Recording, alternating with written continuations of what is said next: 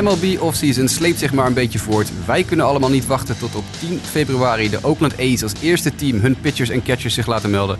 Maar in de tussentijd zit de Sport America Just a Bit Outside podcast niet stil. En zijn we er ook gewoon weer met het laatste MLB nieuws. En met wij bedoel ik vandaag mezelf, Sport America Managing Editor Jasper Roos. En mijn linker en rechter podcast handen van vandaag, Mike van Dijk. Hoi Jasper. En Lionel Stuten. Hoi. Heren, van harte welkom. Fijn dat jullie er zijn. We bespreken vandaag onder andere de MLB Hall of Fame verkiezing, verschillende trades en deals, wat overig nieuws en baseball over de grenzen natuurlijk, want we hebben Lionel in de show. Maar onze eerste pitch van vandaag is een felicitatie aan het adres van de man aan wie wij onze shownaam eigenlijk te danken hebben. Heren, Bob Uecker is vandaag 26 januari 2019 maar liefst 85 jaar geworden. En uh, ja, zijn personage Harry Doyle uit de, Major League films blijft natuurlijk een hoogtepunt uit de cinematische honkbalgeschiedenis. Dus Mr. Uecker, uh, happy birthday to you. Uh, dit is ja, de, onze, onze inspiratie, hè mannen? Ja, tuurlijk. tuurlijk. Geen betere broadcaster dan Harry Doyle. maar goed, dat gedaan, dat gezegd, gaan wij gelijk naar ons eerste blokje. We hebben geen, ja, geen dingen om momenten van de week en zo, want ja, er, loopt geen honk, er wordt niet gehonkbald. Dus we gaan naar de, ja, het eerste onderwerp, denk ik eigenlijk, dat de hele week ja, toch de honkbalwereld in zijn greep hield. Namelijk de Hall of Fame. Want ja, guys, we hebben de eerste unaniem verkozen speler de Hall in zien gaan, hè? Ja, dat klopt. Mariano Rivera. 425 ballots waren er. En 425 keer kwam de naam van Mariano Rivera erop voor. En daarmee is hij de eerste speler die unaniem de Hall of Fame ingaat.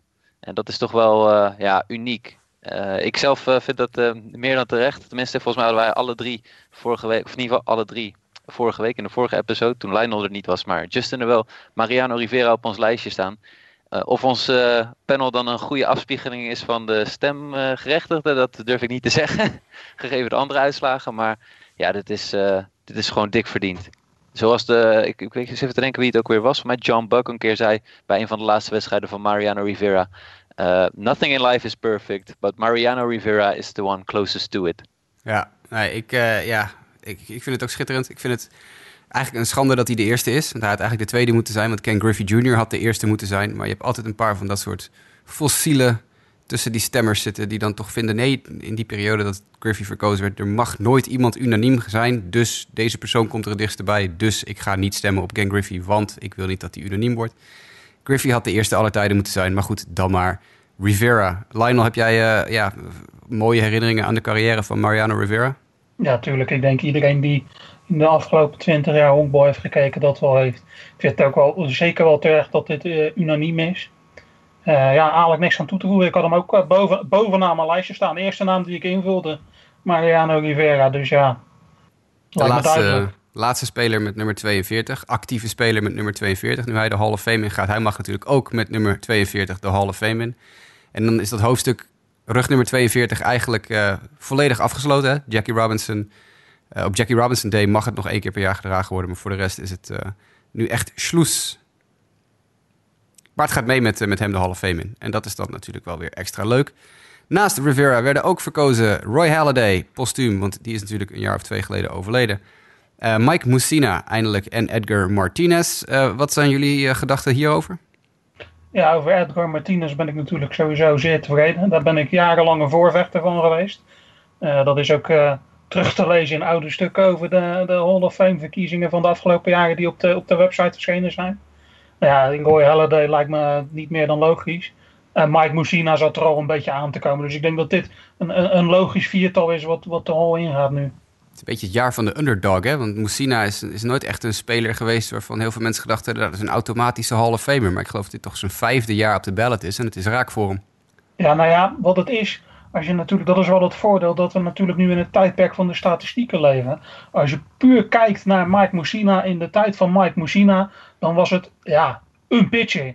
Maar als je kijkt naar wat hij doet in het grotere geheel van honkbal over de afgelopen 150 jaar, dan was het gewoon een van de beste die er ooit hebben rondgelopen. Alleen omdat de, zeg maar, de allerbeste die er ooit hebben rondgelopen precies in zijn tijd rondliepen, viel dat niet zo op. Maar dit is gewoon een speler die gewoon meer dan duidelijk gewoon de prestaties heeft geleverd om op deze plek te komen.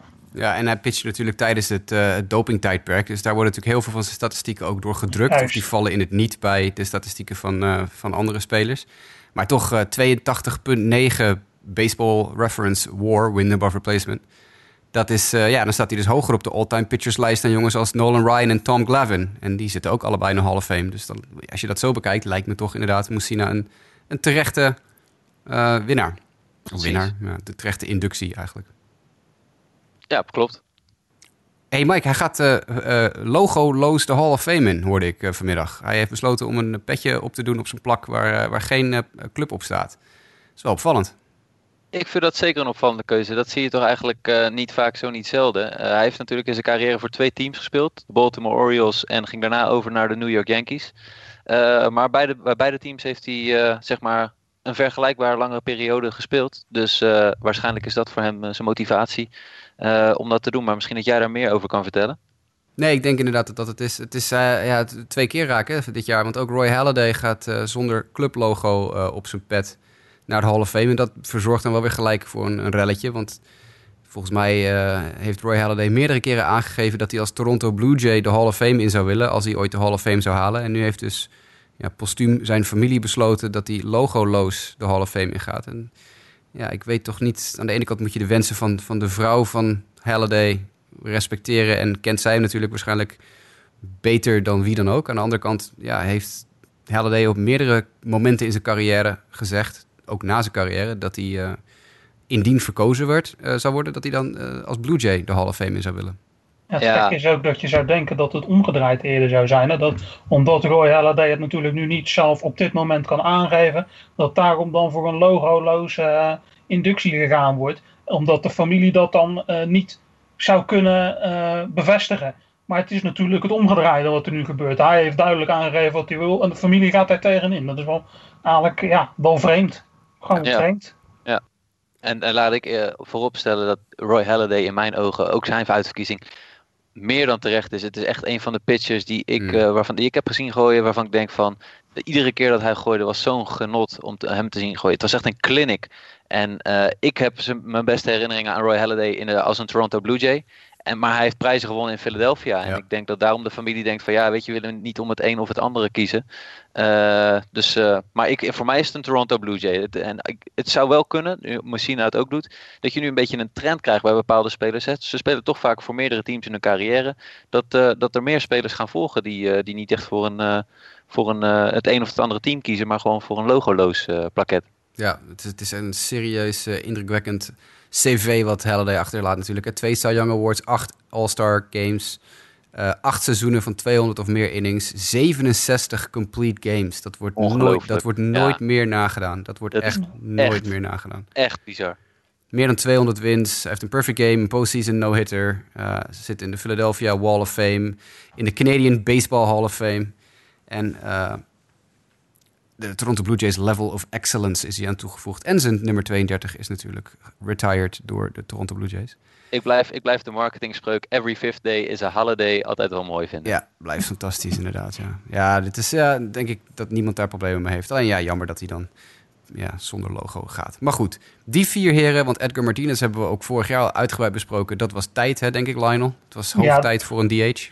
Absoluut. Ik... Uh Kijk, als, als, wat ik dan zou zeggen is, als Mariano Rivera uh, unaniem kan gaan, dan moet toch een, de, de DH der DH, moet dan toch ook minimaal met 75% erin kunnen gaan. Ja. ja, waar hebben we het dan nog over? Ja, en heb je die statistieken gezien van uh, zijn carrière stats tegen de drie andere Hall of Famers van dit jaar? Dat is echt absurd. Hij heeft uh, ja, in zijn carrière tegen Halliday heeft Edgar Martinez een OPS van 1196 met een home run.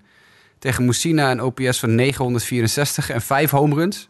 En tegen Rivera een 1705 OPS en twee home runs. Hij, echt, hij, hij maakte gehakt van Rivera tijdens de carrière. Dat, dat, bedoel ik maar. En ik, vind, ik heb het al vaker gezegd. Uh, ik vind dat de Hall of Fame een complete afspiegeling van de sport moet zijn. En dan hoort dit ook gewoon bij. Ja. Dit kan je gewoon niet negeren. Nee, nou, dat, ik ben dat met je eens. En, en dan gaan we gelijk maar door naar het volgende puntje... wat we, als we toch over negeren en de complete geschiedenis van de sport hebben... Uh, Roger Clemens en Barry Bonds stagneren dit jaar qua uh, percentage stemmen. En terwijl ze toch een paar jaar lang telkens een beetje omhoog kropen hier en daar, is het uh, dit jaar houdt het op bij 59,5% voor Clemens en 59,1% voor Barry Bonds. Dat is één ballot verschil, geloof ik. Ehm, betekent dit voor deze jongens dat het nog wel eens einde verhaal kan zijn? Ik weet het niet. Het, het zou wel kunnen. Het is natuurlijk, in de beginjaren werden ze bewust laag gehouden om, hè, als protest tegen het dopingtijdperk. Toen sloeg dat ineens om en zag je ze jaar na jaar best wel snel stijgen. En nu blijft het inderdaad weer wat hangen. Ja, ik, ik weet niet hoeveel jaar hebben ze nog? Twee, drie? Twee volgens mij uit mijn hoofd. Ja, dit is het achtste jaar. Ja, het, het, het, zou kunnen, het zou kunnen dat het op het laatste moment toch nog... dat er nog een stapje gemaakt wordt. Dat weet je natuurlijk nooit. Ehm, ik weet, uh, ik vind zelf dat het, dat het tijd wordt dat we dit gewoon moeten... als de records blijven staan, dan moeten ze ook de Hall of Fame gaan. Anders hadden ze ook die records moeten schrappen. Ja. Ik zit, uh, ik zit, is, is mijn mening ik, ik zit heel even te kijken ook naar wanneer dat dan zou gebeuren, kunnen gebeuren. Want ze zijn nu zeven jaar op de ballot ja, geweest. Drie jaar, drie, jaar, te gaan. Nog drie jaar te gaan. En, ik moet zeggen, volgend jaar, uh, ja, dan kan je al steeds moeilijker om hun heen. Ten opzichte van mhm. de nieuwe mensen die erbij komen. Maar ook die twee jaren daarna, met name 2021 en 2022. Ja, ik wil niet zeggen dat de spoeling dun is. Maar dat zijn wel jaren dat ik denk van ja, eh, qua statistieken springen ze er dan echt nog best wel bovenuit ten opzichte van de andere spelers die er dan bij komen. Met name 2021. Uh... Eh. Dat, dat, was inderdaad ook een, een, punt waar ik naartoe wilde. Het is natuurlijk wel zo dat je ook moet kijken naar wat natuurlijk verder nog het aanbod zal zijn in de komende jaren. Dit jaar had je natuurlijk een paar jongens die er al tegenaan nikten, zoals Muzina en zoals uh, Edgar Martinez. Daar kwamen dan nog twee hele duidelijke uh, nieuwkomers bij, die ook direct doorgaan. Ja, dan blijven er wat stemmen blijven er natuurlijk hangen.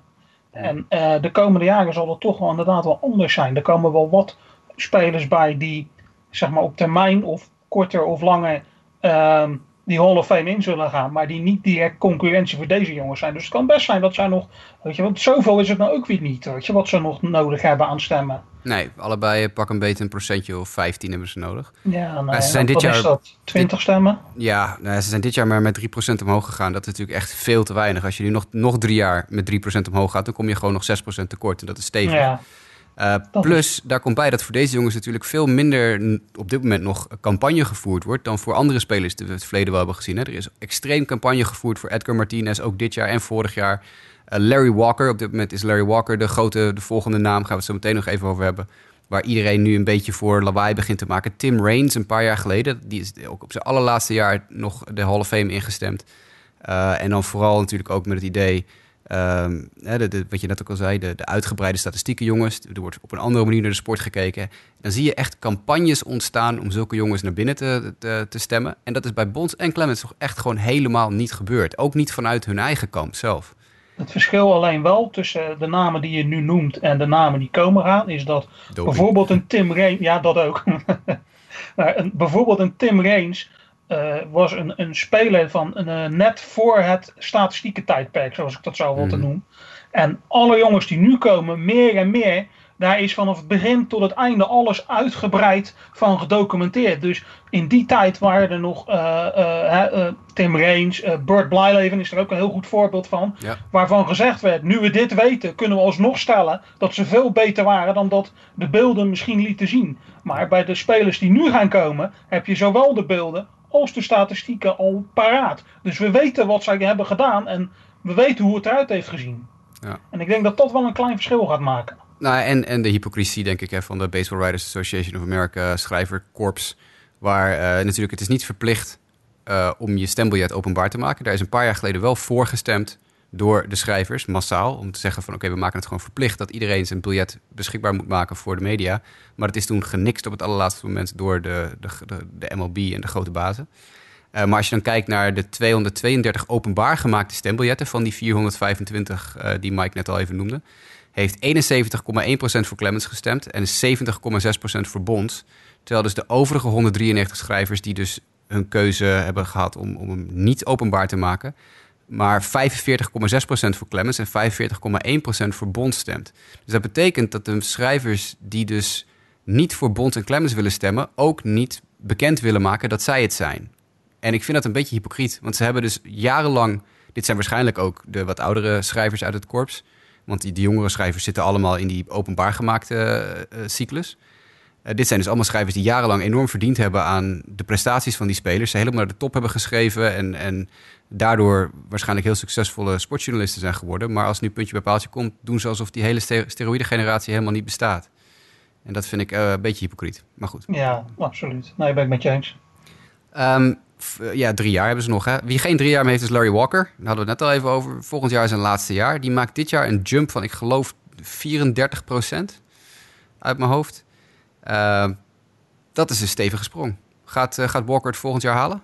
Ja, dat mag ik wel hopen. Ehm, ik weet dat jij ook een sterke voorstander van Larry Walker bent en ik ben dat ook. Dit is nou wel typisch nog een van de laatste spelers waarvan misschien uh, het beeld minder duidelijk was dan de cijfers. Ja. Dus er is nu pas echt duidelijk hoe goed Larry Walker eigenlijk was. En aan de hand daarvan moet er wel komend jaar wel echt flink campagne gevoerd worden voor die laatste procenten die hij nog nodig heeft om dat te halen. Want ik vind wel dat hij hier gewoon tussen hoort, absoluut. Hetzelfde verhaal een beetje als Clemens en Bond in zoverre dat ook hij enorm leidt onder de privésstemmers. Uh, want hij staat op maar liefst 66% van de mensen die hun uh, stembiljet openbaar maken. En uh, hij is geëindigd op 54,6% totaal. Dat betekent dus dat vrijwel niemand, dat hij verliest dus 12% ongeveer, vrijwel niemand van de, de privéstemmers stemt voor Larry Walker. En die doen, dat, doen, dat dus, die doen dat dus ook weer omdat ze weten dat ze gewoon een enorme bak stront over zich heen uitgegooid krijgen. Van waarom stem je in hemelsnaam niet op Larry Walker? Er is geen enkel argument om niet op Larry Walker te stemmen. Dat is er ook gewoon echt niet. Nee, dat is ook gewoon zo. Dus ja, dat, dat klaart maar weer. Hè? Ja. Nou ja, vergelijk hem even met Edgar Martinez, Larry Walker. Martinez moest dit jaar 51% van de nee-stemmers van vorig jaar moest hij omzetten in ja-stemmers. Dus de helft van de mensen die vorig jaar niet op hem stemden, moest hij dit jaar wel op hem laten stemmen. Dat is hem gelukt. Walker hoeft maar 45% van de groep nee-stemmers van gedachten te laten veranderen. Gaat het lukken? Ja, geen, geen types Rivera en uh, Halliday ertussen. Ik denk dat dat wel moet lukken. Dat lijkt mij ook. Denk jij het ook, Mike? Ja. Gegeven met name de redenen die, uh, die Lionel uh, en jij net als laatste eigenlijk geven. Gegeven dat er een aantal goede spelers gewoon wegvallen. En dan brengt ons bij het volgende stukje denk ik ook. Ja. Wie zit er volgend jaar dan wel bij waar je kan stemmen? Ja, ik denk dat er maar één iemand is die nog gewoon bene een kans maakt om uh, volgend jaar unaniem erin gestemd te worden. Dat is Derek Jeter, hè? Dat ja, lijkt mij wel, ja. Maar unaniem, vraagteken. Ik, vind, ik denk dat Jeter me niet unaniem gaat. Ik ook niet. Ik denk, ik denk wel dat nu die grens eenmaal geslecht is, dat dit vaker en vaker zal gaan gebeuren. Nou, als je eenmaal voorbij die drempel bent, maakt het ook niet meer uit. Dus er zullen in de, zeker ook in de toekomst voldoende spelers zijn die dit gaan redden. Maar of Jeter er al gelijk eentje is, dat, ik weet het niet. Ik denk het wel. Ik denk dat uh, de Yankee bias in de media, de East Coast bias uh, en het feit dat hij natuurlijk een beetje de darling van het honkbal uit de periode 1995 tot 2010 is geweest. Uh, ongeveer, wanneer ging hij met pensioen? 2014 of zo? Ja, 2014, 2014 ja. Nou ja, goed. hij is echt een beetje de, het gezicht van de sport geweest in die periode. Uh, enorm gehyped midden jaren 90 tijdens die, uh, die fantastische Yankee teams. Uh, ik, ik, denk dat er geen discussie over is dat hij volgend jaar unaniem erin gaat. Los van het feit dat ik dat niet zou willen, zie ik het wel gebeuren als Rivera dit jaar unaniem gaat. Dan gaat Jeter dat volgend jaar ook. Want voor de rest is het ook niet zo heel erg om over naar huis te schrijven. Ik heb eventjes de bekendste namen, denk ik, op een rijtje gezet van spelers die volgend jaar ook beschikbaar zijn. Dan mogen jullie even ja of nee zeggen als er bij een naam verschijnen. Bobby Abreu, lastig, misschien. Mike? Nee, ja, geen ja en geen nee eigenlijk. uh, nou, Jason Giambi dan? Nee.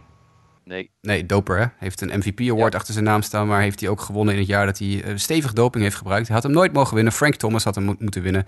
En dat steekt, steekt nog steeds. um, niet alleen bij mij trouwens. Uh, Cliff Lee.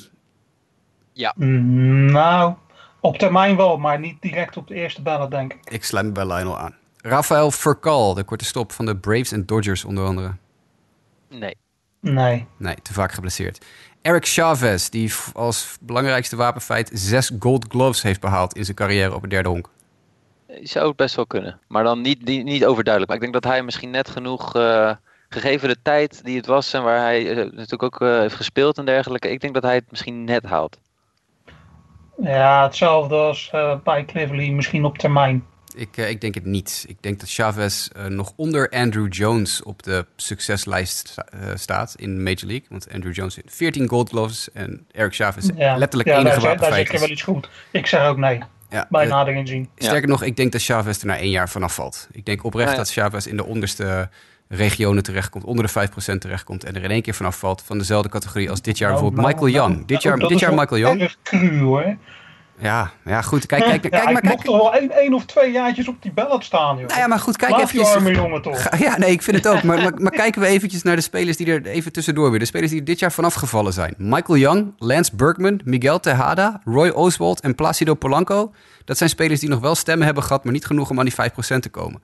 In de periode dat denk ik wij allemaal fanatiek honkbal gingen kijken, omdat die mogelijkheid er was en mobiel TV kwam opzetten, waren Michael Young, Lance Berkman, Miguel Tejada en Roy Oswald waren ieder jaar All-Stars.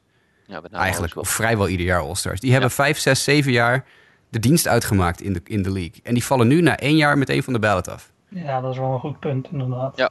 Dus dat het is een beetje hetzelfde. Ja, nog mensen die geen stemmen kregen dit jaar. Kevin Youkilis, toch echt een bekende naam. Vernon Wells heeft een tijd lang nog het duurste contract in Major League Baseball op zijn naam gehad. Vernon Wells, 0% van de stemmen dit jaar. Ja. Eh, kijk naar eh, Travis Hafner, die slugger van de Cleveland Indians, die toch vier jaar lang echt bij de beste DH's van de Major League hoorde en gewoon nul stemmen krijgt. Joek. Ja, het zijn echt, eh, er staan nog veel meer namen op. Dus, dus, dus, is, eh, ik denk dat Chavez er ook eh, gewoon na één keer vanaf valt volgend jaar. Nou ja, Dat, het, eh, het, punt, het punt is gewoon een beetje, eigenlijk wat, wat, wat hier ook uit blijkt, is je kan een paar jaar goed zijn, maar het gaat echt om eigenlijk dat je een decennium gedomineerd hebt. Tenminste, of in ieder geval eh, minimaal een jaar of vijf tot tien ja. hebt laten zien dat je echt tot de top van de Major League behoort. En is, is Chavez zo'n speler? Ik denk het niet. Cliff Lee, ik denk dat Cliff Lee dat dus net wel gaat halen. Maar voor de rest eh, eh, zie ik weinig namen eigenlijk überhaupt ertussen staan eh, die komend jaar erbij komen. Nou, dan krijg, je, Ja. dan krijg je ook gelijk weer de discussie over, over Andrew natuurlijk. Andrew Jones, die eigenlijk gewoon een paar, een paar jaar te lang is doorgegaan met honkballen. En nu kan iedereen zich alleen nog maar die laatste paar jaar herinneren... waar hij helemaal niet zo goed was. En daarbij even vergeet dat hij eh, 12 jaar lang, 14 jaar lang... de beste outfielder op aarde was.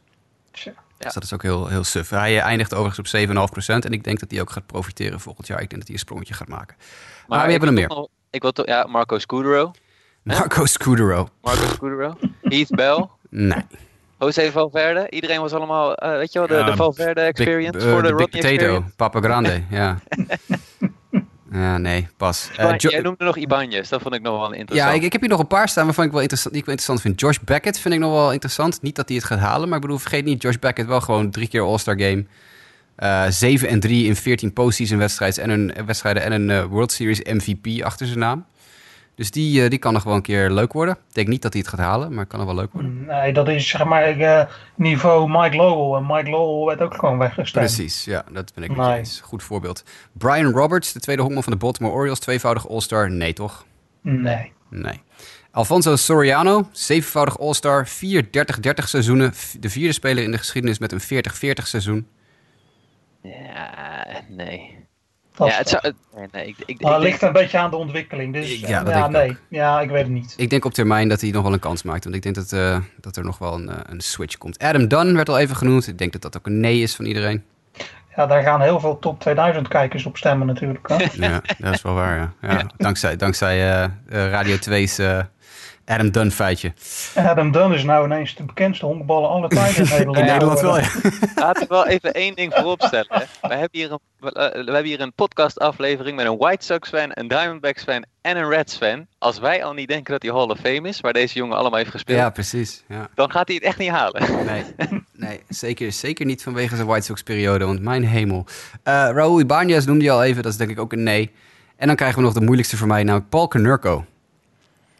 Paul Konerko die wel op het lijstje van USA Today staat van top 10 eh, nieuwe mensen die interessant zijn voor komend jaar. Maar ja, als je kijkt naar zijn WAR, 27,7 slechts tussen aanhalingstekens. Dat is lager dan Rafael Furcal, dat is lager dan Eric Chavez, lager dan Bobby Abreu. Eh, ja, goed, hij heeft zeven seizoenen met 30 of meer home runs. Hij is een zesvoudig All-Star en een 2005 ALCS MVP. Maar nee, toch, Paul Konerko gaat het eh, ook niet halen, denk ik. Ik denk dat als Paul Konerko iemand mag vragen een pitch voor hem te doen eh, om de Hall of Fame in te gaan, dat we bij Jasper aan het goede adres zijn, zoals we zojuist gehoord hebben. Ja, Maar Ik, ja. ik, ik moet zeggen, het, ik, dit, dit is nou typisch een speler, maar dat zullen jullie waarschijnlijk eh, eh, met me eens zijn, denk ik. Dit is een typisch een speler, nummer retire bij de club, held van de White Sox, maar geen Hall of Fame. nee, ik denk het ook niet. Echt typisch zo iemand waarvan de naam wat groter is dan de daadwerkelijke prestaties. Je hebt van die spelers die best wel wat bekendheid genieten, maar als je dan echt wat, wat dieper erop ingaat, dat het eigenlijk allemaal wel meevalt. Nou, en wat hij natuurlijk heel erg mee heeft, is dat hij een, een media-darling was. De media was heel gek op hem. Dat is het. Dat is het. waren heel gek op hem. En, eh, en hij heeft natuurlijk zijn hele carrière bij dezelfde club gespeeld. En dat, dat wil nog wel eens, eh, dat gebeurt in deze tijd natuurlijk niet zoveel meer. En dat wil nog wel eens in je voordeel spreken. Want ja, dat, dat zie je natuurlijk niet, niet veel. Maar puntje bij paaltje denk ik inderdaad dat hij in zijn handjes mag klappen als hij het jaar nummer 2 haalt. Eén ehm, persoon die we nog niet besproken hebben, en dat is het laatste wat we gaan doen, Fred McGriff. Want Fred McGriff valt er dit jaar vanaf. Zijn laatste jaar uit de ballot. Hij is niet meer verkiesbaar nu. Hij eh, bleef stranden op 39,8% eh, dit jaar. Dat is natuurlijk ruimschoots te weinig. Uh, Lionel, gaat hij het redden in de Today's Game Era Committee over twee jaar? Dat verwacht ik wel. En op zich vind ik dat niet erg, want ik heb in het verleden ook uh, Fred McGriff op mijn, mijn ballots gehad als we die schreven voor sportamerika.nl. Um, dus in dat opzicht kan ik hier, dit is ook typisch zo'n speler waarvan, ik, waarvan je zegt, de statistieken laten achteraf zien hoe goed hij eigenlijk daadwerkelijk was. Uh, wat het me wel een klein beetje stoort, en dat was ook dit jaar met, uh, hoe heet Lee Smith. Dat zijn dan mensen die, vijf, Lee Smith 15 jaar en Fred McGriff 10 jaar op die ballot hebben gestaan. Komen tot misschien de helft van wat nodig is. En dan twee jaar later besluit zo'n comité van ja, we hebben er gewoon uh, niks mee te maken. We stemmen hem er toch even in. Dan denk ik van ja, dan hoef je heel die stemming niet te houden als je het toch zo gaat doen. Nee, er zijn wel dat een paar... Dat is wel een beetje, beetje, wat me eraan stoort. Ik vind dat die, die committee zich eigenlijk op hele andere zaken zou moeten richten dan dit soort spelers. Ja. Nou, er zijn wel wat journalisten die aangegeven hebben van... Uh, ik, ik, heb er, ik heb ernaast gezeten. Hè. Harold Baines is ook een mooi voorbeeld. Ook 15 jaar uit de ballot gestaan. 15 jaar lang niet, niet hoog genoeg gekomen om het te redden. Vervolgens wordt hij zijn eerste keer bij de Today's Game Era Committee... een beetje wordt hij erin gestemd. En dan gaat iedereen roept natuurlijk hetzelfde als jij. Van ja, waarom, waarom stemmen we dan nog? Terwijl de schrijvers op dat moment, de journalisten zelf zeggen... Ik denk dat... Er zijn meerdere jongens. Jerry Krasnick geloof ik onder andere van ESPN en Buster Olney... hebben gezegd, ja, we hebben het gewoon verkeerd gehad. We hebben het gewoon 15 keer heb ik ernaast gezeten. Ik had wel op hem moeten stemmen. Ja, dat is ook een beetje voortschrijdend inzicht misschien. Alleen, ja, goed, in het geval van McGriff is dat dan inderdaad voortschrijdend inzicht... dat zich over twee jaar gaat verspreiden. Want ik neem aan dat hij inderdaad... Uh, de kans heeft om meteen ja, in, zijn, uh, in zijn eerste keer op het lijstje mee te gaan. Ik vind dat ergens wel een glad ijsdiscussie hoor.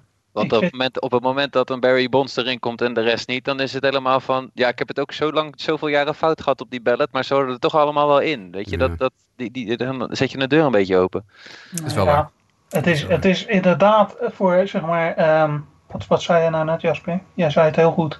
Um, nou, ik weet het even niet meer. ik weet het niet meer. Nee, ik, uh, ik ben verbaasd dat ik iets goed zei. Dat, uh... nee, het is inderdaad wel een goede manier om, uh, om voortschrijdend inzicht. Voortschrijdend Daar wil ik op inhaken, sorry. Ja, okay. ja, voortschrijdend inzicht, dat vind ik inderdaad heel goed passen bij deze commissie. Alleen voortschrijdend inzicht na twee jaar is wel heel erg snel, zeg maar. Ik vind dit echt mm -hmm. voor de wat, wat, wat zaken voor wat langer geleden waarvan nu achteraf gezegd kan worden, nu we nog meer inzicht hebben van dit waren eigenlijk wel spelers die destijds verkeerd behandeld zijn en nu alsnog een plek verdienen.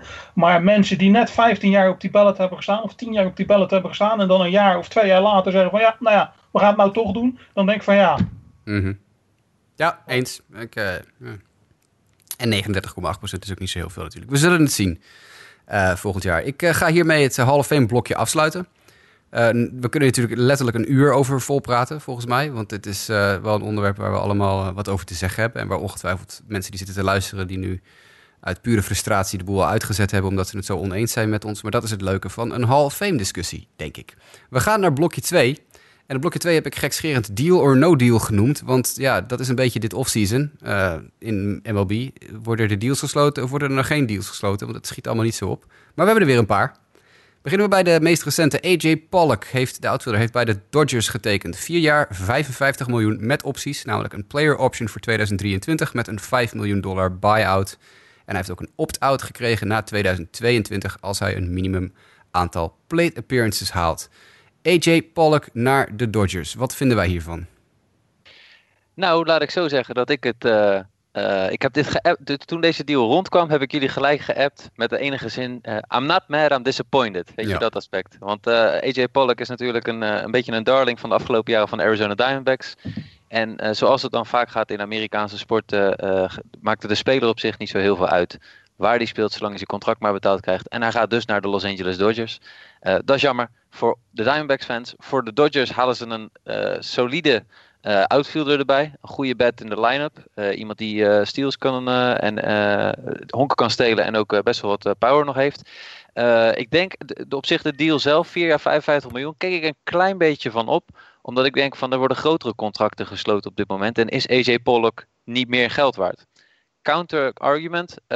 hij is nogal eens geblesseerd. En ik denk dat dat vooral heeft ervoor gezorgd dat hij, dat hij uiteindelijk maar vier jaar ook krijgt voor dit bedrag. Ik denk dat de Dodgers daarmee wel een, een goede deal hebben kunnen sluiten. Ja, en natuurlijk daarom ook waarschijnlijk een minimum aantal plate appearances ingebouwd hebben rond zijn opt-out. Dat hij dus niet weer twee jaar geblesseerd kan zijn en toch eenvoudig kan blijven vangen, zeg maar. Um, het gevolg is wel natuurlijk dat ze nu bij LA echt een overvol outfield hebben. Want ondanks dat ze Yaziel Puig al verkocht hebben aan de Cincinnati Reds... hebben ze nog steeds, geloof ik, acht outfielders op de payroll staan. En daar moeten ze toch vanaf, lijkt me. Ja, nee, absoluut. Uh, het is daar wel heel erg druk natuurlijk. Hè? Het is wel een beetje wat, wat een beetje in LA de laatste jaren leeft. Is van we passen de sleep, uh, sleepnet-tactiek toe. En we halen van alles en nog wat binnen. En daarna gaan we eens kijken waar we weer aan de achterkant wat kunnen lozen. Het is een beetje met nou... hun, uh, hun pitching staff ook, hè? En rotation ook. Ik geloof dat ze geloof, negen potentiële startende pitchers op hun, uh, op hun uh, bullpen roster hebben staan. Ja. Nou, ja, er is er weer eentje geblesseerd een tijdje en dan wordt hij weer omgeruild voor een andere enzovoort enzovoort. Dus dat, ja, precies. En daar valt dan op een gegeven moment ook wat vanaf en dat kan je dan weer gebruiken om, om mee te handelen. Ik geloof dat nou uh, Jock Peterson de man is die op de, op de nominatie staat om verhandeld te worden. Ja, dat zijn hele sterke geruchten van de laatste paar dagen inderdaad dat Jock Peterson lustig geshopt wordt naar andere teams. Een van de clubs die nogal sterk aan, uh, aan Jock Peterson gekoppeld wordt, is uh, de Chicago White Sox. Zelfs zover al dat de, de mogelijke pakketjes al uh, uitgedacht zijn. Het zou gaan om Carson Fulmer, Aaron Bummer en Laz Rivera. Die zouden naar LA gaan in ruil voor Jock Peterson. Maar dat is op dit moment, op het moment van opname nog niet rond. Uh, wat, wat zou een, een, Peterson moeten kosten? Ik bedoel, als ik kijk naar dat pakketje Fulmer, Bummer, Laz Rivera... dan denk ik, oké, Carson Fulmer, voormalig first-round pick... die het totaal nog niet uh, voor elkaar heeft in de Major League... en eigenlijk gewoon een beetje uh, ingestort is. Aaron Bummer, linkshandige reliever van de categorie 13 in de dozijn... en dan Laz Rivera, een double-A-prospect met enige toekomstmogelijkheden... maar toch ook al 24 en een double-A... dan ben je toch ook al wat oud voor je niveau. Is dat, denken jullie, een beetje representatief prijskaartje voor Jack Peterson, die toch tegen linkshandige slagmensen werkelijk waar, tegen linkshandige werpers werkelijk waar geen bal kan raken? Ja, ik denk dat je daarmee wel een redelijke deal hebt. Tenminste, eh, ik, ik, ik ben niet een mega fan van Jock Peterson. Uh, die jongen kan zeker goed uh, home run slaan. Heeft best wel goede slugging percentages de afgelopen jaren. Maar tegelijkertijd, ik vind het geen geweldige hitter. Ehm, dus als jij dan die namen noemt die je zojuist noemt en een beetje de omschrijving daarvan, dan denk ik van ja, volgens mij is dat ook een beetje ehm, wat je voor een Jock Peterson mag vragen. En terugkomend op hoeveel uh, outfielders Los Angeles heeft. Los Angeles is echt nog niet klaar. Die zijn echt nog de komende maand druk met dat, uh, uh, dat team verder te perfectioneren. Dus het zou mij niet verbazen inderdaad als daar één of misschien wel twee outfielders nog gaan verplaatsen. En Cody Bellinger wordt misschien in die discussie ook nog gezien als een outfielder. Maar ik denk dat die misschien ook wat meer nog naar, uh, minder daar gaat spelen. Ja, maar die is ook nog, uh, wordt ook nog regelmatig gekoppeld aan trade-geruchten. Dat zou ik echt heel bizar vinden. Ja, dat geloof ik ook niet. Nee, dat, lijkt dat geloof ik ook niet. Maar ik vind, uh, hoewel ik het helemaal eens ben met, met Mike zegt, vind ik nog steeds dat, dat de White Sox echt een goede deal zouden sluiten als ze dit voor elkaar krijgen. Als ik zo hoor wat ze dan daarheen sturen. Ja, ja, ja, Daar, daar zou ik het ook wel voor doen. Het, het, enige wat voor mij een beetje nog uh, zit... Ik ben altijd heel erg van Carson Fulmer geweest. Die heb ik natuurlijk in Nederland zien gooien tijdens de Honkbalweek een paar jaar geleden. En ik was op slag verliefd. Dat was voordat hij bij de White Sox speelde ook al. Want die jongen die, ja, was echt een van de meest filthy pitchers die ik ooit heb zien gooien. En ik heb er behoorlijk wat zien pitchen over de jaren heen. En het is, uh, ja, hij heeft het gewoon nooit kunnen omzetten naar succes in de Major League. Maar ja, nu ziet het hele offseason is hij bij de Driveline uh, Academy in Seattle geweest. dat is een, een pitching academie waar ze zich enorm richten op het, het, helpen van werpers met problemen zoals hij heeft. Dus het vergroten van, of het verhogen van het spin rate van je pitches. Het verhogen van je snelheid door middel van de bal iets anders vasthouden. Of op een andere manier je wind-up doen. En hij schijnt fantastische resultaten te boeken daar op dit moment bij die Driveline Academy. Met een, een, een, bijna een verdubbeling van zijn spin rate op zijn curveball, geloof ik. En dat wil ik toch eigenlijk stiekem ook nog wel graag zien. Want stel je voor, je verkoopt hem nu aan LA en hij komt springtraining binnenwandelen met al het, alles wat hij nu nieuw heeft opgestoken van de Driveline Academy. En dan gaat hij in LA helemaal los. Waar overigens wel zijn, uh, zijn teamgenoot van uh, Vanderbilt speelt. Hè? Uh, Walker Bueller en Carson Fulmer waren de nummer 1 en 2 in de rotation van Vanderbilt. En Fulmer was de nummer 1 en Walker Bueller was de nummer 2. En dat zegt ook wel over hoe goed Fulmer in college was. Want Walker Bueller, die weten we inmiddels allemaal hoe goed hij kan gooien. Mag, dus... ik het anders, mag ik het anders stellen? Word jij warm van Jock Peterson in de line-up van de White Sox? Want ik heb niet echt de indruk dat hij daar wat toevoegt. Je hebt jawel, jawel. We hebben wel een outfielder nodig. Want wie heb je liever, Adam Engel of uh, Jock Peterson? Daar is je antwoord. Oké, ja. Ja, daar is je antwoord. Dat is, uh, ja. We hebben een lefty power hitter nodig. En als je die kan krijgen, en hij is nog jong, en het is van de categorie Jock Peterson. Die overigens ook goed bevriend is, met jullie raden het al, Manny Machado. Oh. Dus dat helpt ook nog wel. Dus ja, goed, ik weet niet. Ik zou hem wel willen hebben, maar ik ben gewoon heel erg fan van Fulmer. Dus ja, goed. Uh, terug naar de Dodgers even. Want uh, de Dodgers, die, je zei het al Mike, die blijven echt niet stilzitten. Die zijn nog lang niet klaar, want die outfielders worden nog verhandeld. Maar intussen zitten ze ook achter JT Real Muto aan van de Marlins. Uh, ja, en er zou dan, dat zou dan gaan om... dat, dat, de Marlins willen Kybert Ruiz, dat is het top catcher prospect van de Dodgers, willen ze hem terug hebben. is LA nu helemaal, helemaal van God los en hebben ze zoiets van... we gaan alle goede spelers binnenhalen? Of wat is er aan de hand? Ja, dat kan, maar volgens mij zijn ze niet de enige ook die achter deze catcher aan zitten. Want volgens mij zijn de Dodgers, of de Dodgers, de Padres, ook met Real Muto bezig. Dus het is eigenlijk een NOS uh, showdown aan het worden voor Real Muto. En misschien gaat dat de prijs ook wel weer, uh, weer opkrikken. Hè? Want ik geloof dat de Marlins de Padres hebben gevraagd om Fernando Mejia, de catching prospect die ze van Indians hebben gekregen afgelopen jaar. Ja, dus dat, uh, dat zijn geen, niet de minste namen. Los daarvan, de Dodgers hebben ook al wel deze offseason Russell Martin volgens mij gecontracteerd. Mm -hmm. uh, dus uh, die zijn echt wel bezig om te kijken hoe ze die, de, de, de catching positie kunnen versterken. Ja, maar ik, ik, Jasmani Grandal kwijtgeraakt natuurlijk. Ja, dus ik ben benieuwd of, of deze trade gaat gebeuren. Vind jij dat ze te veel inleveren als ze voor Real Muto deze, talent, deze talent, dit talent op zouden geven? Ja, vind ik wel. Want ik vind dat je... De enige reden dat Real Muto zo'n begeerd persoon, gewoon begeerde speler binnen de Major League op dit moment is, is omdat gewoon de catcherpositie helemaal niets waard is op dit moment. Er zijn maar één of twee goede, echt goede catchers in de Major League. Echt catchers waarvan je denkt, daar kan ik mijn, mijn franchise min of meer omheen bouwen. Dat is Gary Sanchez in New York en Real Muto tot op zekere hoogte. En voor de rest heb je natuurlijk wel jongens als Grandal en je hebt nog een Yadi Molina die nog, nog steeds meedoet, maar ook al 100 jaar oud is natuurlijk. Uh, er loopt hier en daar nog wel een nuttige catcher rond. Maar de jongens die een paar jaar geleden de grote jongens zouden moeten worden op de catcherpositie, de Jonathan Lucroy's van de wereld en zo, die zijn allemaal van een rots afgesodemieterd. En ja, nu wil iedereen die, die hippe jonge catcher hebben die in Miami rondloopt. En die zijn er in één keer bereid om, nou, ik zou, ik zou het niet eens overwegen om Ruiz of, uh, of Mejia naar Miami te sturen. Echt over een paar jaar, Mejia is al in de majors en Ruiz is één of twee jaar verwijderd. Die kunnen over vier, drie, vier jaar zijn die gewoon beter dan, dan, dan Real Muto. En ja, dan kan je zeggen, de Dodgers willen nu winnen en niet over drie, vier jaar. Dat is wel waar. Dat is, is, ook wel een punt. Maar aan de andere kant, ik bedoel, uh, ja, ik, ik, zou het niet zo snel punt.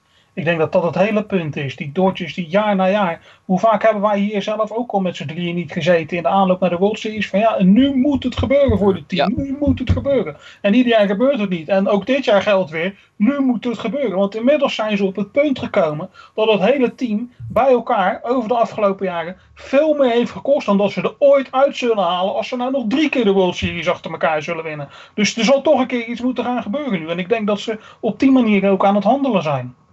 Ja. Mm, ja, maar je haalt, je haalt inderdaad Russell Martin. Uh, moet je dan ook nog Real Muto? Is dat dan het verschil? Is Real Muto het verschil tussen het winnen en het verliezen van de World Series? Ik denk het niet, maar als je kijkt naar het roster, nou, en wat we net ook al zeggen, met, die, met de outfielder versterkingen die ze halen, ze, laten, ze willen echt niks aan het toeval over laten komend jaar, lijkt het op. Dat is inderdaad, dat is het inderdaad. Het is niet alleen dat Real Muto op zich het verschil maakt, maar als je en Real Muto hebt en nou ja, ga zo maar door. Alles wat er de afgelopen weken gezegd en geschreven is en wat er al gebeurd is, alles wat, ze, wat er maar mis kon gaan in de afgelopen jaren, zal nu afgedekt zijn. In de hoop dat het nu wel goed gaat en dan gelijk voor twee, drie jaar achter elkaar.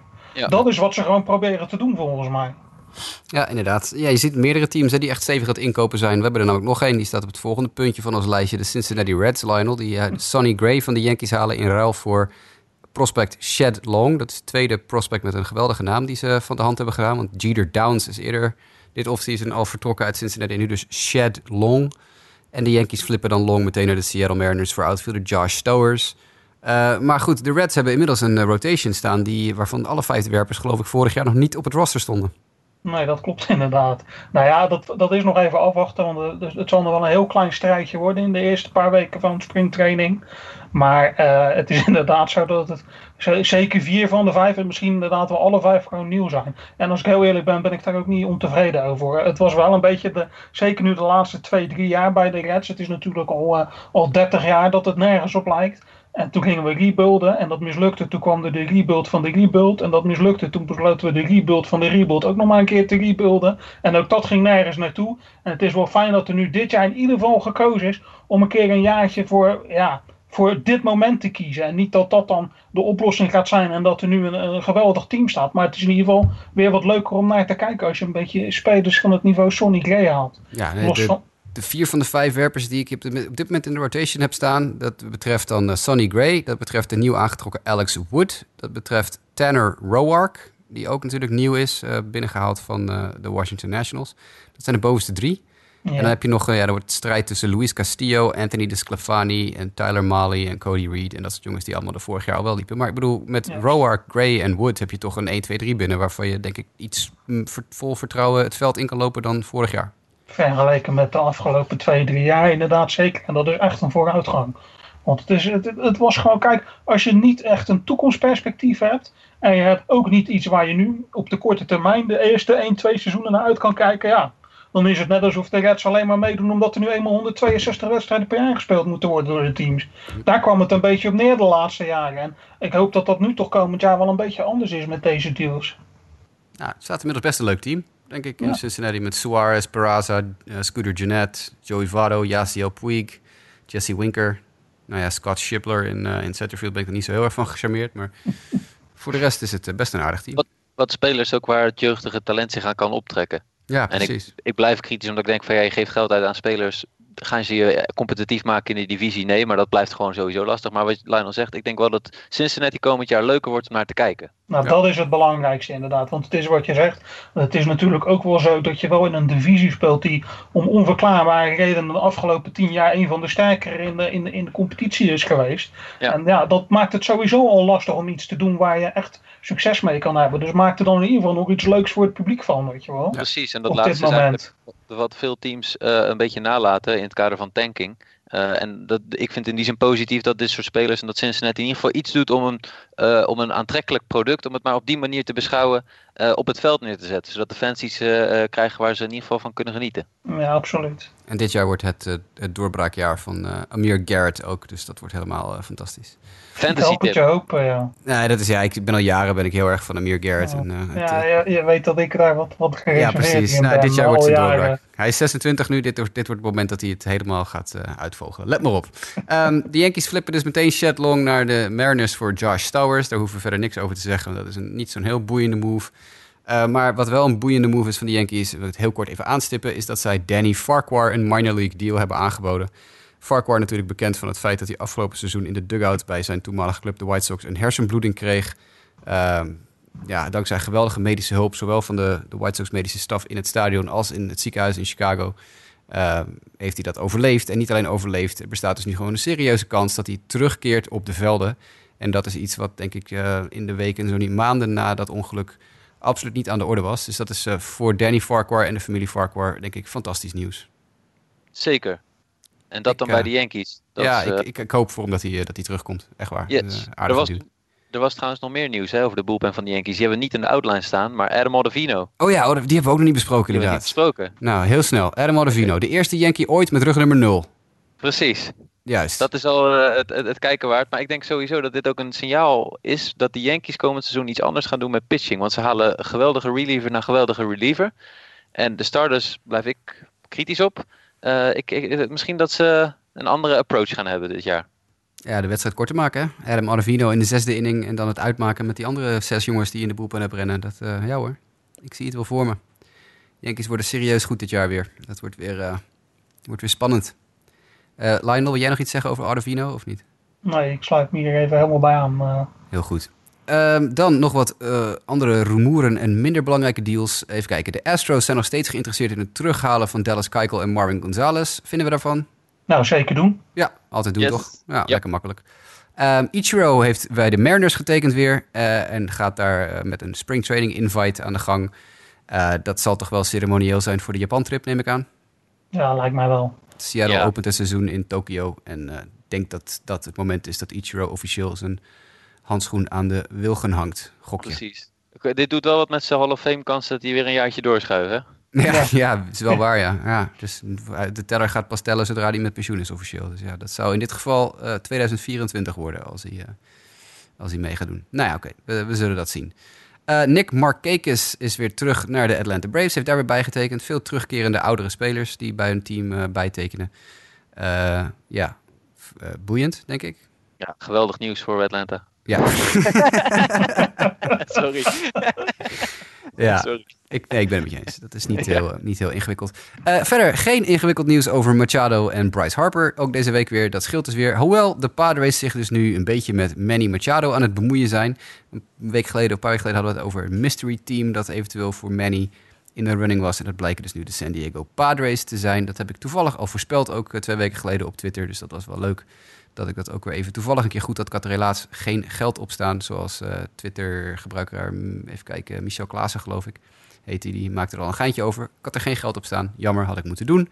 Uh, maar ik noem het wel even, want de mailbackvraag die wij hadden deze week van Dennis Jansen gaat namelijk over deze situatie. Dennis, dankjewel voor je mailbackvraag weer, zoals altijd. Um, hoewel er dus niet echt concreet nieuws is over Machado en Harper, uh, vraagt Dennis zich af: zijn de Padres in de markt voor toptalenten Machado, Harper en of Real Muto? En op welke termijn denken jullie dat de Padres echt weer een contender kunnen worden? Nou, Mike, het is jouw divisie. Het is jouw NL West divisie. Uh, zeg het maar. Zijn de Padres in de markt voor Machado, Harper en Real Muto? En op wat voor termijn zijn ze weer, doen ze weer mee? Ik denk dat ze het meest concreet op dit moment zijn voor Real Muto. En bij Machado en Harper is het eigenlijk gewoon een beetje uh, de ontwikkeling van die offseason geweest. Het is een beetje zoals een high school verhaal. We hebben twee knappe meisjes en de, de, de, de, ja, hoe zeg je dat? De John Travolta's van de wereld zitten erachteraan. Maar als die geen succes lijken te hebben, dan ga je toch eens denken van nou, nu ga ik eens mijn kansen wagen. En dat zie je volgens mij nu een beetje bij San Diego. Die denken toch van misschien dat we een goede deal weten te sluiten om onze line-up te versterken. En uh, uh, zodoende zijn ze in ieder geval aan het kijken of, of een van deze twee spelers naar San Diego kan komen. Ik zou het een ja, een ballsy move vinden, om even zo te zeggen. Uh, zeker nadat ze vorig jaar al Hosmer hebben gehaald. Uh, ik weet ook niet of het de juiste match is, want ik, ja, ik, ik, ik vind de Padres nog net even te ver weg voor contention. Maar jij hebt het beste blik uh, van het talent wat eraan zit te komen. Het talent is groot. Ehm, maar of dat gelijk al komend, komende 1, 2 seizoenen gaat zijn, ik denk dat je dan beter naar de White Sox kan gaan of, uh, of elders. En wat ik dan ga. Ja. ja, nou ja, precies. Jij noemt nu precies het team waar ik een beetje mee zit. De Phillies zijn in alle gesprekken geweest. En ook met de Kimbrel nog. Maar die, die ja, ik bedoel, gaan de Phillies straks geen eens een, een speler van de, uh, geen, geen van deze spelers contracteren? Maar goed, de vraag gaat over de Padres. Uh, wanneer worden ze contender? Kan jij daar meer uh, antwoord op geven? Nee, nou niet concreet. Ik vind de Padres hebben het beste minor league systeem in de majors, in, in de hele professionele honkbal in Amerika op dit moment. heel veel spelers die tegen de, de doorbraak aanzitten. Heel veel spelers die vorig jaar al een klein beetje een doorbraak hadden in de majors en dit jaar hun tweede jaar ingaan en waarschijnlijk nog verder gaan doorbreken. Het zou mij niet verbazen als de Padres niet laatste worden in hun divisie dit jaar. En dat is denk ik al een hele vooruitgang. Contender worden in een divisie waar uh, big spenders als LA en, en San Francisco in zitten. En, en ja, goed, de Diamondbacks daar. Ik denk dat die rebuild net begint nu. En ik stuurde jou van de week al even het berichtje dat hoeveel first round en second round draft picks de Diamondbacks dit jaar hebben door alle spelers die ze kwijt zijn geraakt aan free agency en deals en zo. Dat is echt gigantisch. Dus die kunnen ja, in één klap denk ik hun hele minor league systeem weer aanvullen. Maar dat duurt alweer een paar jaar voordat die jongens uh, ja, beschikbaar zijn. Uh, en ja, goed, de Rockies, dat, de, ja, dat blijven een beetje de Rockies. Die kunnen bovenin meedoen, maar je weet nooit hoe ver. Dus of de Padres binnen nu en twee jaar daadwerkelijk meedoen voor de eerste plek in de divisie, dat weet ik niet. Maar ze gaan geen laatste worden dit jaar, denk ik. Maar dat is wel de grap, hè? want ik denk als je deze deal gaat sluiten met Machado of Harper, dan moet je een buyout waarschijnlijk in het contract gaan bouwen. En de vraag is, zijn de Padres op dat moment dat die buyout is, uh, of die opt-out is, uh, dan juist niet echt pas competitief? Ja. Dus uh, dat is echt wel een, een lastige. Maar ik, uh, ik vind het op zich wel leuk dat zij nu in één keer in deze sweepstakes mee gaan doen. Maar dat is ook juist waarom die opt-outs gemaakt worden. Hè? Ik bedoel, je, kan, je moet nu even twee jaar doorbijten, twee jaar in een bullshit team spelen. En als we dan over twee jaar niet competitief zijn, dan heb jij een opt-out en dan kan je zeggen, nou dan wil ik weg. Uh, zijn ze dan wel competitief, wat ze denken, kan die ook zeggen, ik blijf nu en nu ga ik van de successen mee profiteren. En dat is denk ik een beetje hoe al die teams, waar Philadelphia of Chicago of San Diego, allemaal proberen om het een beetje in te kleden. Um, maar contract, uh, contracttechnisch is het een risico om dan te gaan spelen in San Diego vanwege de ballpark. Zeker als een hitter. Ja, dat is ook iets wat hij in de gaten moet houden. Je moet altijd uitkijken dat ze niet een pitcher van je proberen te maken natuurlijk. ja, inderdaad. Ja, nee, goed. Kijk, als, als uh, Machado, er is maar één team waar hij op dit moment zou moeten tekenen eigenlijk, als je alle verhalen moet geloven. En dat doet hij voorlopig nog niet. Dus dat, uh, we, we, wachten het rustig af. Uh, Lionel, heb jij nog iets over de Padres wat je toe wil voegen? Wanneer zijn ze volgens jou, doen ze mee voor de, voor de feesten? Ja, kijk, met, met inderdaad, met LA in die divisie zal dat in ieder geval niet volgend, dit jaar, volgend jaar, het jaar erop zijn. Daarna is, het, is alles weer open. Maar ja, dat kan volgend jaar ook alweer anders zijn. omdat je weer zegt van ja, nee, doet nog jaar. Ik denk dat het gewoon heel lastig is in deze divisie. Omdat er zo'n enorme reus in zit. Die zichzelf gewoon ieder jaar gewoon de nummer 1 kan maken in die divisie. Gewoon door, gewoon door te handelen met de eindeloze voorziening aan, uh, aan geldstromen. Dat het gewoon altijd lastig is om te bepalen of je, of je überhaupt de kans maakt om er door te komen in deze divisie. Ja. Is waar. We gaan uh, verder, jongens. We hebben nog 10 minuten voor het blokje overig nieuws en het blokje honkbal over de grenzen. Dus we gaan even knallen. Uh, los nieuws, niet club gerelateerd. Nike en Major League Baseball hebben een nieuwe kleding- en schoenendeal afgesloten. Vanaf 2020 uh, gaat Nike alles overnemen van huidige fabrikant Majestic. En ook de deal met Under Armour is om zeep, die er in 2016 gesloten is. Want Under Armour is aan de rand van de afgrond. Dat betekent dat uh, Nike al het on-the-field spul gaat maken. En dat Fanatics, dat is de fabrikant die de spullen maakt. Als jij een petje koopt bij MLB.com shop, dan komt dat bij Fanatics vandaan. Die gaan alles voor de fanmarkt maken. Uh, Majestic, die vanaf 2005 uh, die deal hadden met Major League Baseball, dat wordt dus niet verlengd. Dus na bijna 15 jaar uh, is het afgelopen met Majestic. En ook Under Armour heeft dus financiële problemen. alles naar Nike. Oké? Okay? Niet oké? Okay? Ja, goede deal voor Nike dit man. Die hebben echt klappen gehad rondom dat gedoe met Colin Kaepernick en zo. Mm. En als ze nu dit krijgen, dan hebben ze gewoon in één keer alles weer rechtgetrokken. Dit is echt voor Nike een goede deal. En MLB heeft er gewoon een betrouwbare partner aan. Niks mis mee. Ja, ja Fnatic zit er als lachende derde bij. Want die uh, gaan ook een uh, vermogen verdienen natuurlijk. Dat bedoel ik. Nou, uh, oké. Okay. Vanaf 2020 dus alles in Nike tv-landschap in Chicago gaat volledig op de kop, op de, eh, de, kop eigenlijk. En dat bespreken we eigenlijk alleen maar even omdat wij natuurlijk al vaker in het verleden hebben gehad over het veranderende televisielandschap. Wat is er namelijk in Chicago op dit moment gebeurd? We hebben dat al een beetje aangekondigd in een podcast, ik geloof mei vorig jaar. Toen waren er al geruchten dat de Cubs hun eigen televisienetwerk zouden gaan beginnen. En dat is inderdaad ook gebeurd. De Bulls, de Blackhawks en de White Sox, dus de basketbal, de ijshockeyclub en de Chicago White Sox honkbalclub die hebben een deal met NBC Sports afgesloten, terwijl de Cubs weggaan bij NBC Sports. Die zaten met z'n allen bij NBC. 20% ownership voor alle vier die clubs. En dan de, de laatste 20% lag bij Comcast NBC. Dus iedereen lag keurig uh, verdeeld. Uh, maar dat is dus nu anders geworden. Uh, alles wordt onderverdeeld nu tussen de Bulls, Blackhawks en White Sox. En de Cubs gaan het Marquee Network beginnen. Um, nou, laten we begin, even bij het begin beginnen. Lionel, we hebben het er vaker over gehad is dit het begin van een, uh, een opblaasmoment voor de televisiemarkt in, uh, op honkbalgebied? Ja, absoluut. Absoluut. Er gaat echt heel veel veranderen. Ja, dit is natuurlijk een, een, grotere stap nog, denk ik, dan de Yes Network in New York uh, ooit was. Hè? Dat is nu het Yankees netwerk. Ik denk dat de, de Cubs, die gewoon eigenlijk zeggen, we gaan het helemaal zelf doen, nog wel een veel grotere stap is voor andere clubs ook. Ja, dit ga je meer en meer zien. Hè? En het, het, het heeft voordelen en het heeft nadelen. Het is, uh, als jij natuurlijk als, als, als Cubs je eigen netwerk hebt, dan is alles Cubs. Dat is een voordeel. Maar het nadeel is dat, ja, um, het is ook wel heel mooi in eigen hand, zeg je. Ja, ze hebben sowieso een broadcast partner nodig, hè, de Cubs. Ze kunnen het niet helemaal zelf doen. Uh, het is op dit moment nog onbekend wie hun broadcast partner wordt, waar ze dus het Marquee Network kunnen gaan opzetten. Want het is niet zo dat je eventjes een, een schotelantenne neerzet en gewoon je eigen televisiezender uh, lanceert. Daar moet je rechten voor kopen. En die rechten zijn op zich wel beschikbaar binnen Chicago. Want, zoals vaste honkbalkijkers vast wel weten... je hebt uh, FSN Detroit, hè, Fox Sports Detroit... je hebt Fox Sports LA, je hebt Fox Sports Houston. Maar er is geen Fox Sports netwerk in Chicago. Dat is omdat het jaren geleden al opgeblazen is. En je hebt Comcast gehad en je hebt WG, WGN gehad... en WGN Plus en nu NBC Sports. Fox heeft al jaren geen, geen voet in die markt kunnen krijgen... En die rechten liggen er dus gewoon nog klaar voor. Alleen de Cubs kunnen niet zeggen we kopen die rechten en we gaan er alles mee doen wat we willen. Maar er wordt nu gespeculeerd dat MLB zelf misschien de Fox-rechten in de regio Chicago, de Chicagoland area, gaat opkopen. En uh, dat dan zeg maar dus een soort van broadcast partner met de Cubs gaat worden. Dat is wel een interessante constructie, denk ik. Ja, absoluut. Het is ook zeker belangrijk om dit te blijven volgen voor de andere teams Want er gaat meer van dit soort dingen gaan, gaan gebeuren. Dat tv-landschap, heel dat medialandschap, dat, dat, het einde daarvan is nog lang niet in zicht van wat daar allemaal mee gaat gebeuren. Ja, en het ergste wat nog steeds niet opgelost is, zijn die achterlijke blackout-regels in Amerika. Dat je als uh, Sox-fan bijvoorbeeld zes staten verderop of als Cubs-fan acht staten verderop niet de wedstrijd van je team kan kijken. Omdat er van die rare archaïsche blackout-regels uh, rondom MLB-wedstrijden hangen. Dat is nog steeds iets wat ze moeten gaan oplossen. Yes.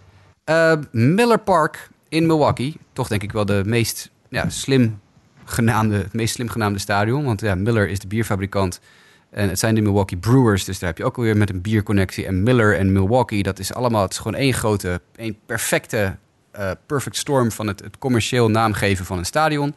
Maar dat is voorbij hè, na 2020. Het wordt nu American Family Insurance Park.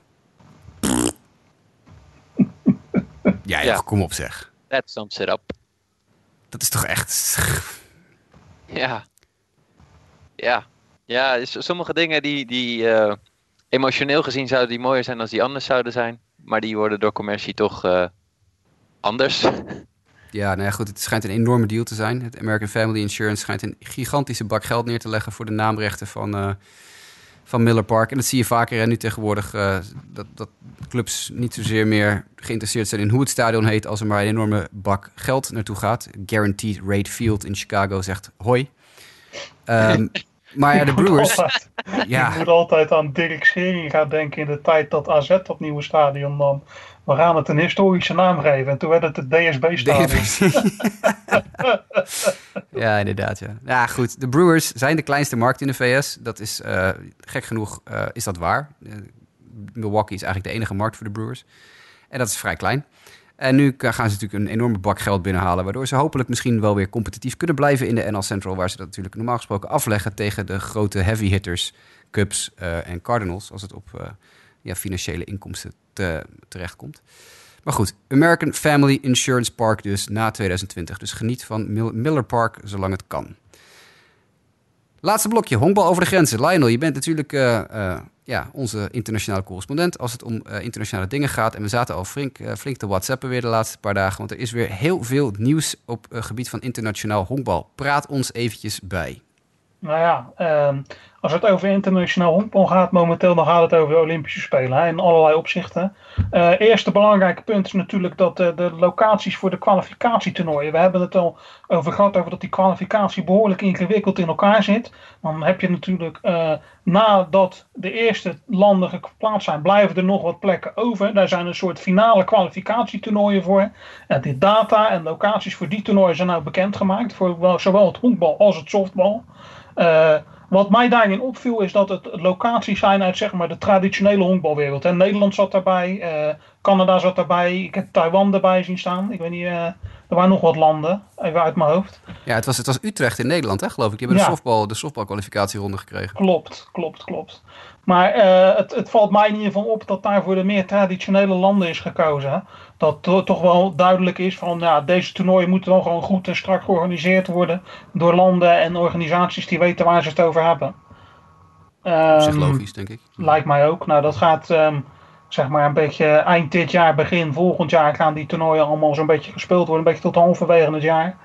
En dan uh, worden daaruit de laatste namen voor de, voor de Olympische toernooien voor Tokio voor uh, volgende, niet komende zomer, maar de zomer daarop uh, bekend. Alright, nou dat is in ieder geval een, een, stap de goede richting in, denk ik. Ik, oh. ik heb de lijst ook gezien. Ik vond het wel een, ja, een, verdedigbare lijst. Met, ik ook. ik snap, ik snap dit helemaal. Je kan hier wel nieuwe landen en nieuwe, nieuwe gebieden voor gaan kiezen, maar daar is het niet het moment voor. Weet je. Daar moet je andere toernooien voor gebruiken. Dus ik vind dit gewoon goed te begrijpen dat voor uh, locaties als Nederland, Canada, Taiwan, dat soort uh, plekken gekozen is. Gewoon prima te begrijpen, gewoon een goed idee. Kwalificatie is al lastig genoeg, dus maak het niet moeilijker dan het is. Nou, eens. Um, in het kader van die Olympische Spelen in Tokio, we hebben natuurlijk dan uh, in 2020 Japan in 2028 Los Angeles, waar honkbal ook op het programma staat. Maar daartussenin zit natuurlijk nog uh, de Spelen van 2024 in Parijs. En ik heb jullie destijds al gezegd, dat is een, een, een goede zaak dat het niet eerst Los Angeles en dan Parijs is. Maar eerst Parijs en dan Los Angeles. Want dat geeft honkbal een kans om over een langere periode in die Spelen te groeien. En dat gaat nu dus ook gebeuren.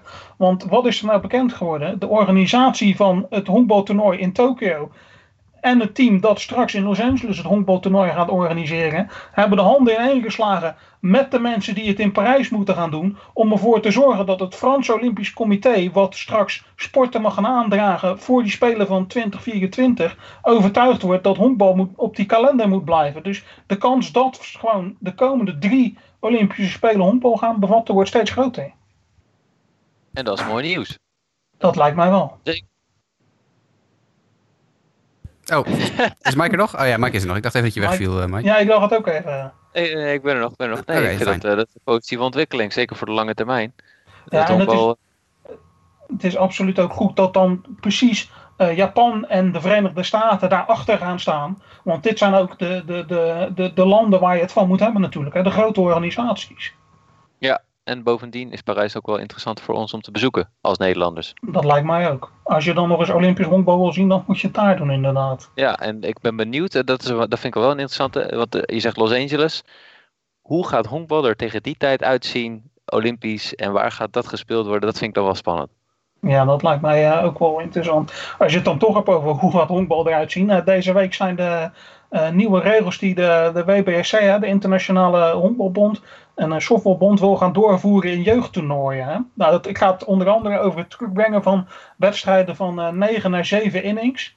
En uh, nog wat, wat kleine regelwijzigingen. Die, dat gaat gespeeld worden op die manier. Op, laten we zeggen, de, de, de jeugd-WK's en op softbaltoernooien. Ja, het zijn dus eigenlijk alle, alle soorten van honkbal die je hebt, zo'n beetje, behalve de Premier 12 en de, de Olympische Spelenkwalificatie, toch? Dat, die, ja, die, die, blijven gewoon negen innings en al het andere gaat naar zeven innings. De Premier 12, de Olympische kwalificatie, uh, de, de, de WBC, dat blijft allemaal inderdaad gewoon negen innings. Maar het andere, dat wordt zeven innings. En uh, voor, de redenatie daarachter volgens mij is dat uh, die belasting te groot is. Omdat je natuurlijk in andere toernooien ook. Je hebt jongere jongens, je hebt uh, spelers die minder vaak in grote, grote wedstrijden staan. En die belasting, om die wat terug te brengen, wordt dat, uh, wordt dat naar zeven innings teruggebracht. Want dit staat niet bijvoorbeeld in verhouding tot de, hoe noem je dat? De, de, de, de klok.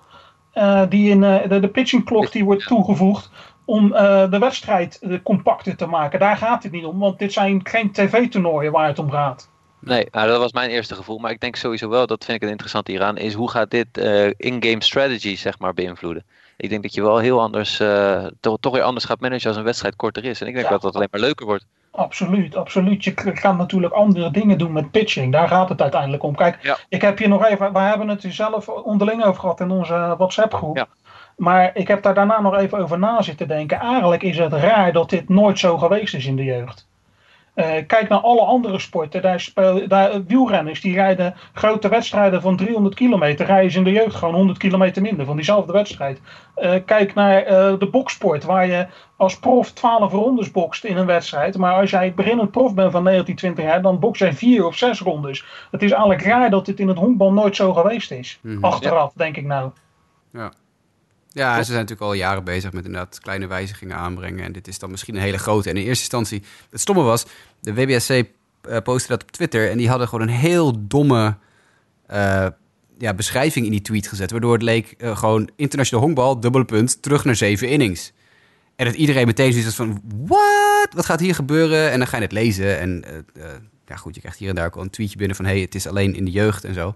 Dus je gaat het lezen en dan staat er in één zinnetje onderaan staat dat het inderdaad alleen de, alles behalve dus de, ja, de Premier 12 en de, de Olympische Spelen en de WBC en zo betreft. Maar de, de, de hele honkbalwereld stond heel eventjes uh, tien minuten op zijn kop... omdat iedereen dacht dat alle internationale honkbalwedstrijden naar zeven innings gingen. Dat, ja, was natuurlijk dat zou een beetje, een beetje te veel van het goede geweest zijn. Ja, daar moet even een PR-medewerker of een social media-medewerker... toch wel eventjes op aangesproken worden, denk ik. Want dat was niet, niet een hele beste tweet, als ik heel eerlijk ben. Zoals ik zei, ik vind, ik vind dit wel een soort uh, eh, 2020-format van het honkbal. Van het ticket naar het honkbal, zeg maar. Ik, ja. ik denk wel zit, zit wel wat in, inderdaad. Dat is, ja, je ziet het in meer sporten, hè, dat je verschillende varianten kan. Nou, trouwens, in, de, in het honkbal zie je dat ook. Daar is verleden jaar is, uh, dat uh, baseball fives geïntroduceerd. Waar je met uh, een soort straatvariant die je met z'n vijf kan spelen. Mm -hmm. Nou, dat ga je toch meer zien dat er wat, wat meer korter en compacter gespeeld gaat worden. En het wat laagdrempeliger gemaakt, om, gemaakt wordt om eraan te kunnen, te, te, te kunnen treden. Ja. Ja, uh, ja, dus we gaan het zien. Het is, ik vind het op zich geen slechte ontwikkeling dat in de jeugd. Kijk, je moet het ook zo zien. Wil jij als volwassen man, als je weet wat, wat de spanning bijvoorbeeld vooral bij pitches op die armen is, wil jij dat als volwassen man op je geweten hebben bij jongens van 15 en WK's, weet je? De jongens die één keer in de week spelen in de eigen land, hè, in, bijvoorbeeld in Europa of in, in Azië, en die dan op zo'n WK ineens drie of vier keer achter elkaar in een week moeten spelen, wil jij daar zoveel druk op zetten als jij weet wat dat met hun gezondheid op jonge leeftijd doet? Nou, dat is ook iets wat je nu al een paar jaar in college ziet. Hè? Dat uh, bijvoorbeeld Keith Love van ESPN is een heel uitgesproken criticus op het gebied van uh, college coaches die gewoon jongens uh, in, colleges tussen de 18 en de 22 gewoon 120 ballen laten gooien per wedstrijd. Dat is ja, nou, ja, dat, geschift. ja. dat slaat nergens op. Nou, en ik vind dat dit in dat kader gewoon een goede stap is. Ja. Nou, heel mooi. Goede vooruitgang. Hebben we nog meer op het lijstje staan, Lionel? Nou ja, de honkbalwereld wordt langzaam maar zeker ietsje groter, hè, steeds. Um, in, in vele opzichten. Zo zijn bijvoorbeeld uh, uh, Roemenië en Guam zijn nou hosts van jeugdtoernooien binnenkort. Nou, Roemenië en Guam denk je van wat moet je daarmee, maar daar zit wel wat achter. Guam is natuurlijk Amerikaans gebied en is een van de landen waarover gefluisterd, nou ja, gebieden waarover gefluisterd wordt van dat zou wel eens een, een World Baseball Classic deelnemer kunnen gaan worden als er een expansion komt. En Roemenië is het nieuwe ontwikkelingsgebied van de Italiaanse bond. En ja, gezien de Italiaanse invloeden in de, in de Wereldhonkbalorganisatie is het wel te begrijpen dat daar dan ineens ook wat toernooien naartoe geschoven worden en dergelijke. en daarnaast, en dat vind ik dan wel leuk, ik, ik, denk dat het grootste ontwikkelingsgebied van honkbal op dit moment Afrika is. En afgelopen week is in Kenia voor het eerst in de geschiedenis een nationale honkbalcompetitie voor zowel de senioren als voor de jeugd van start gegaan. Kijk, dat is mooi. Ja, dat is uh, een heel goede ontwikkeling. Ik zit even intussen te zoeken hoeveel Major League spelers er van Guam uh, zijn gekomen. Dat zijn er twee. John Hattick in 2006 en Sean Reed Foley is een prospect van de Toronto Blue Jays. Die uh, op dit moment ja. Twee stuks je moet zoeken naar niet alleen Major League, maar natuurlijk ook in de independent leagues en dergelijke. Ja, nee, het gaat er natuurlijk om. Het, precies eigenlijk dit punt is het punt waarom Guam een van de kanshebbers is. Want normaal gesproken zou niemand aan zo'n land denken of aan zo'n gebied denken. Maar omdat er in ieder geval nog een paar profs die op bepaalde wijze een link kunnen hebben naar dat land uh, wordt dat natuurlijk interessant. Hè? Het is uh, wat je gezien hebt bij Israël op de afgelopen edities. En uh, wat je eigenlijk bij een aantal andere landen ook gewoon ziet. Het is ook de landen die in die kwalificatiepotten spelen. Kijk naar Engeland. Die komen dan met een team met allemaal jongens die in Amerika geboren zijn. Roots hebben naar bijvoorbeeld Jamaica of Barbados of weet ik veel wat. Wat ooit onderdeel van het Britse Koninkrijk was. En daardoor dus voor Groot-Brittannië mogen spelen. Ja. Nou, en zo moet je hier ook naar kijken. Als dit nou spelers tussen. Kijk naar Johnny Damon die voor Thailand speelde. Ja. ja nee, maar zo moet je dit gaan bekijken. je hebt straks jongens die uh, grootouders of overgrootouders hadden die op, op Guam zijn geweest op vakantie. En die mogen dan voor dat land uitkomen. Daar komt het een beetje op neer straks. Tja. Nou ja, goed, oké. Maar zolang we het een beetje kunnen uitbreiden, uh, denk ik dat het geen verkeerde ontwikkeling is. Ja, nou ja, je krijgt nu dus in ieder geval krijg je daar uh, een groot jeugdtoernooi. Ik dacht dat het een, een, een, een, een, een continentaal kampioenschap was. Azië. Ja, Uit mijn hoofd gezegd. En, uh, en dat ga je dus ook in Roemenië krijgen, omdat Italië zich daar heel sterk voor maakt. Dus zo groeit uh, de, de honkbalkaart langzaam maar steeds, zeker steeds iets groter. Hè? Nou, lijkt me, lijkt me een goede ontwikkeling. De manier hoe MLB het nu aanpast, aanpakt met, met enorme ticketprijzen voor de, de Londen-series.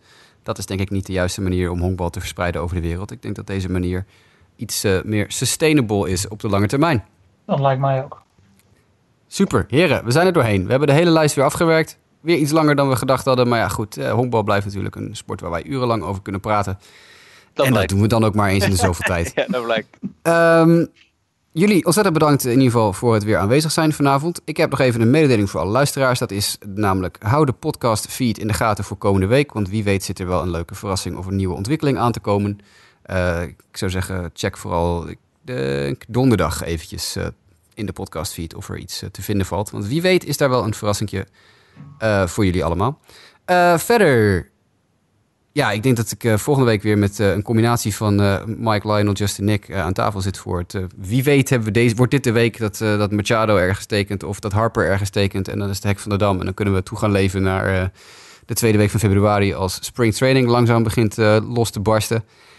Tot die tijd, mochten jullie als luisteraars iets kwijt willen over de show, dan kan je dat e-mailen aan justabitpodcast.gmail.com. Justabitpodcast.gmail.com. Kunnen Vragen... ze daar ook... Uh de claims kwijt mochten nou donderdag geen verrassing in de podcastfeed zitten. Daar kunnen ze ook ze dan daar, de claims kwijt? Ja, ja. ja of is er nog een Twitter-handle die ze dan kunnen gebruiken? Ja, is er ook. Is er ook. Uh, dan, dan moet je bij mij zijn. Als er donderdag niks in je podcastfeed verschijnt, betekent dat dat ik gefaald heb. Want de aflevering is, is al klaar opgenomen en helemaal uh, gefixt. Dus ik weet zeker dat er daadwerkelijk donderdag iets verschijnt. Tenzij ik natuurlijk uh, ineens onder een bus kom. Dan is het een ander verhaal.